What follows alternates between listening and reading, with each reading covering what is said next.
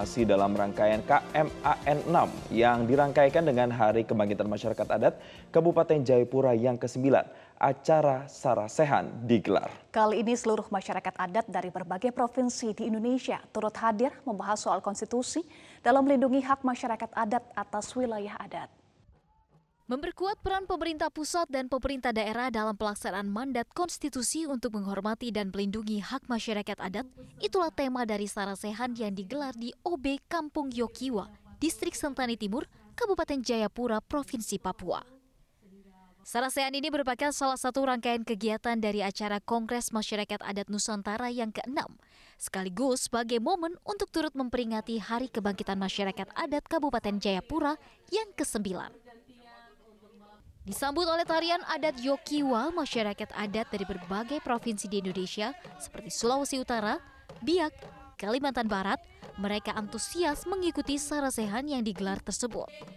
Tak hanya tamu undangan lokal, panitia penyelenggara KMAN 6 juga turut menghadirkan sejumlah tamu dari luar negeri mulai dari Swiss, Amerika, dan Filipina.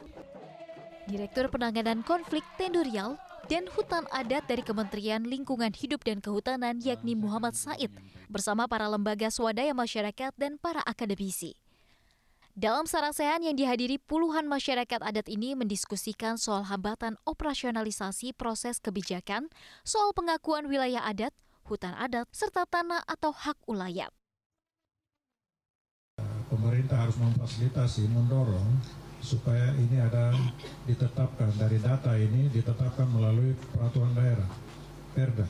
Nah, Perda ditetapkan harus ada lampirannya dengan data-data tadi.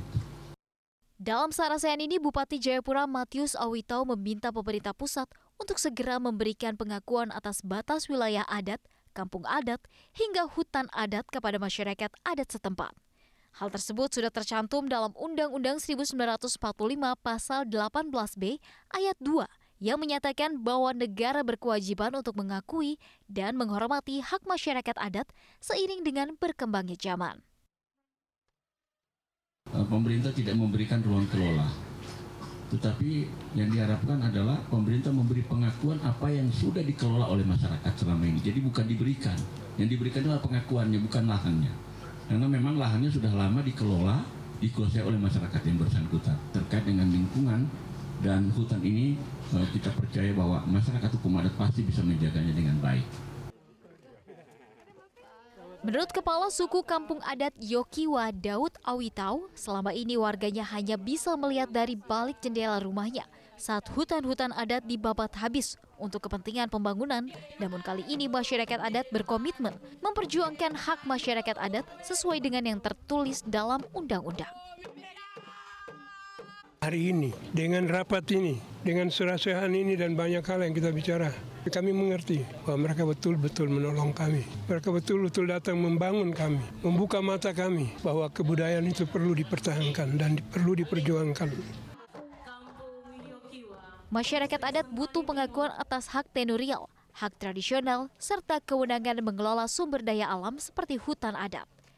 Masyarakat setempat pun sangat berharap agar penyelenggara negara bisa memenuhi segala hak masyarakat adat. Pemirsa mengusung tema Ragam Budaya Satu Irama Indonesia. Kira budaya sahabat Ganjar di kawasan Dieng diharapkan mampu menyatukan perbedaan yang ada di bangsa Indonesia. Kirap Budaya Sahabat Ganjar berlangsung pada Senin 24 Oktober 2022 dan menjadi salah satu kegiatan di kawasan Dieng menuju Ganjar Pranowo Festival Tagar 4 pada 29 Oktober 2022 mendatang. Dan kawasan Patak Banteng yang berada di Kabupaten Wonosobo menjadi titik awal dengan pembina Sahabat Ganjar, sekaligus pemilik pondok pesantren Alif Ba, Gus Hayat menunggangi kuda bersama Ketua DPW Jawa Tengah, Ketua DPC Banjarnegara, Camat, dan Lurah setempat menuju lapangan Pandawa yang berada di Kabupaten Banjarnegara. Dalam perjalanannya diiringi peserta lomba kirap budaya sambil menyapa seluruh masyarakat Dieng dan sekitarnya. Gus Hayat pun disambut tokoh adat setempat. Dilanjutkan penyerahan simbolisasi bendera Pataka oleh Dewan Pembina Sahabat Ganjar kepada tokoh masyarakat Dieng. Namun, sebelum membuka kegiatan inti kirap budaya, seribu relawan sahabat Ganjar melakukan deklarasi dukungan kepada Sang Gubernur Jawa Tengah, Ganjar Pranowo, untuk menjadi presiden pada 2024 mendatang. Kegiatan uh, parade pawai budaya yang kita laksanakan diawali dari desa Padabandeng. Dari desa Padabandeng kemudian menuju Gunung Perahu, dari Gunung Perahu kemudian menuju Tuk Bimalukar, air suci, kemudian mengarah kepada komplek persanjian Pendawa Arjuna. Nah, di sinilah kami kemudian menampilkan beberapa uh, budaya-budaya uh, yang ada di Indonesia ini kita tampilkan karena filosofinya bahwa Indonesia terbentuk ini adalah dari kebinekaan. Para peserta kirap budaya sahabat Ganjar menampilkan penampilan terbaik dengan total hadiah mencapai 25 juta rupiah. Adapun seni yang ditampilkan meliputi tarian sampai seni bela diri. Juri yang bertugas langsung memberikan penilaian kepada peserta.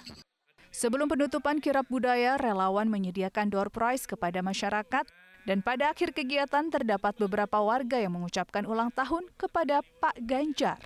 Selamat ulang tahun untuk Pak Ganjar Pranowo yang ke-54. Semoga ke depannya sukses selalu dan bisa memimpin Indonesia dan menjadi Presiden Indonesia. Ini ada Callum Scott, peraih nominasi Brit Awards yang sukses menghibur penontonnya di Jakarta walaupun saya nggak nonton. Ini saya dalam juga nggak nonton. Kamu juga nggak nonton ya Pak ya? Ini konsernya seru banget pemirsa hmm. dalam konser yang bertajuk apa ini ya Pak? The Bridges Asia Tour yang digelar di Bengkel Space SCBD Selasa malam 25 Oktober 2022. Kita nonton ya sekarang ya? Sekarang ya, kita lihat informasinya.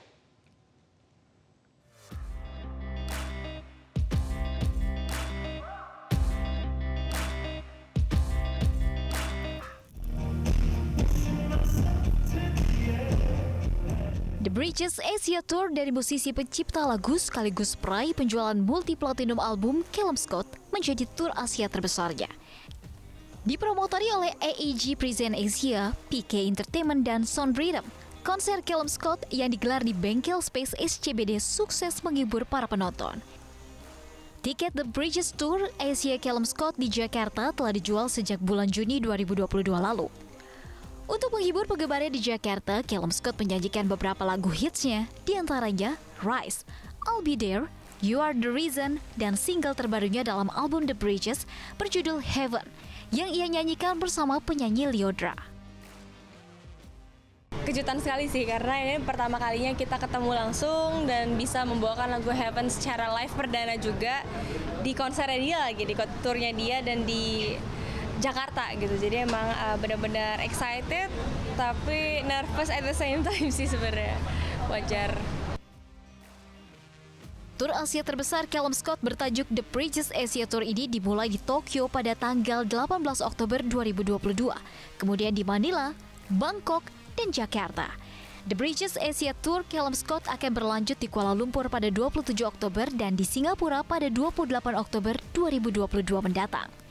Menteri BUMN Erick Thohir membeberkan kesiapan Indonesia dalam mengoptimalkan sumber daya energi hijau yang akan menjadi basis industri berdaya saing. Erick juga mengatakan rencananya untuk menghentikan operasi atau pensiun dini PLTU berbahan bakar yang tidak ramah lingkungan. Dalam diskusi energi baru terbarukan Himpunan Alumni PTN Indonesia Himpuni di Bogor, Jawa Barat, pada hari Selasa, Erik menyebutkan PLTU yang berpotensi untuk dihentikan operasinya akan mencapai 15 gigawatt hingga tahun 2040 mendatang. Pihaknya akan mendorong PLN untuk melakukan mekanisme subholding yang fokus pada pembangkit listrik. Erik pun akan terus mendorong transisi energi dan mengoptimalkan sumber daya energi ramah lingkungan yang cukup berlimpah di Indonesia. Optimalisasi energi hijau ini diharapkan akan membuat Indonesia semakin kompetitif, sekaligus mendorong investasi energi hijau dan diharapkan menjadikan Indonesia sebagai kekuatan ekonomi dunia tahun 2060. Keterangan pihak kepolisian terkait wanita penerobos istana, di mana Kabit Humas Polda Metro Jaya, Kombes Pol Endra Julpan menyatakan bahwa kasus perempuan penerobos istana yang membawa senjata, pihak kepolisian telah mendapatkan identitas seorang perempuan yang menerobos istana atas nama Siti Elina. Alamat di Jalan Kampung Mangga, Kecamatan Koja, Jakarta Utara pada hari Selasa 25 Oktober 2022 pukul 7 lewat 10 waktu Indonesia Barat. Tersangka yang bernama Siti Elina ini berjalan mendekati anggota Pas Pampres Seketika mengarahkan dan menodong senjata, tersangka berusaha menerobos ring satu Istana Negara dengan menodongkan senjata. Dengan kesiapsiagaan anggota Pas Pampres kala itu berhasil mengamankan senjata dan menyerahkan Siti Elina kepada petugas Polantas yang sedang berjaga pada waktu itu dan dilakukan pengamanan seketika. Selanjutnya dilakukan pemeriksaan-pemeriksaan lebih lanjut kepada Siti Elina Penanganan di lapangan dipastikan sudah sesuai dengan SOP yang ada dan melakukan pendalaman dengan melibatkan pihak dari Densus 88.